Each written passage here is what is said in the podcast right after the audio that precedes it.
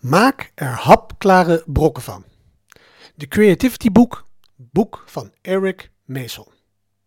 Ik heb het eerder gehad over het verminderen van uitstelgedrag om de motivatie te vergroten. In die context kunnen we het ook hebben over de kracht van het opdelen van een groot doel in kleine stukken. Laten we dat nu doen. Ten eerste dit juweeltje van Henry Ford.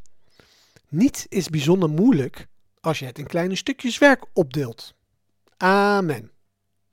Maar dit roept wel de vraag op: welk belangrijk ding zou jij heel graag willen doen waarvan je denkt dat het te moeilijk is? Check. Nu, hoe kan je beginnen door het in kleine stukjes werk op te delen? Dat is brokken maken. Creativiteitsexpert Erik Meesel vertelt ons dat hij zijn boeken op deze manier schrijft. En hij heeft er al tientallen geschreven. Hij overweldigt zichzelf niet met de gedachte tienduizenden woorden te moeten opschrijven.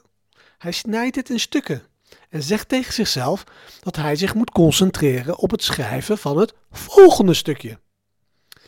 Het is hoe Joe DeSena al zijn epische ultra-uithangsvermogen presteert. Hij maakt zich niet druk over de uren en uren van hardlopen die hij nog heeft om in een race te rennen. Nee, hij concentreert zich op het bereiken van de eerste volgende telefoonpaal.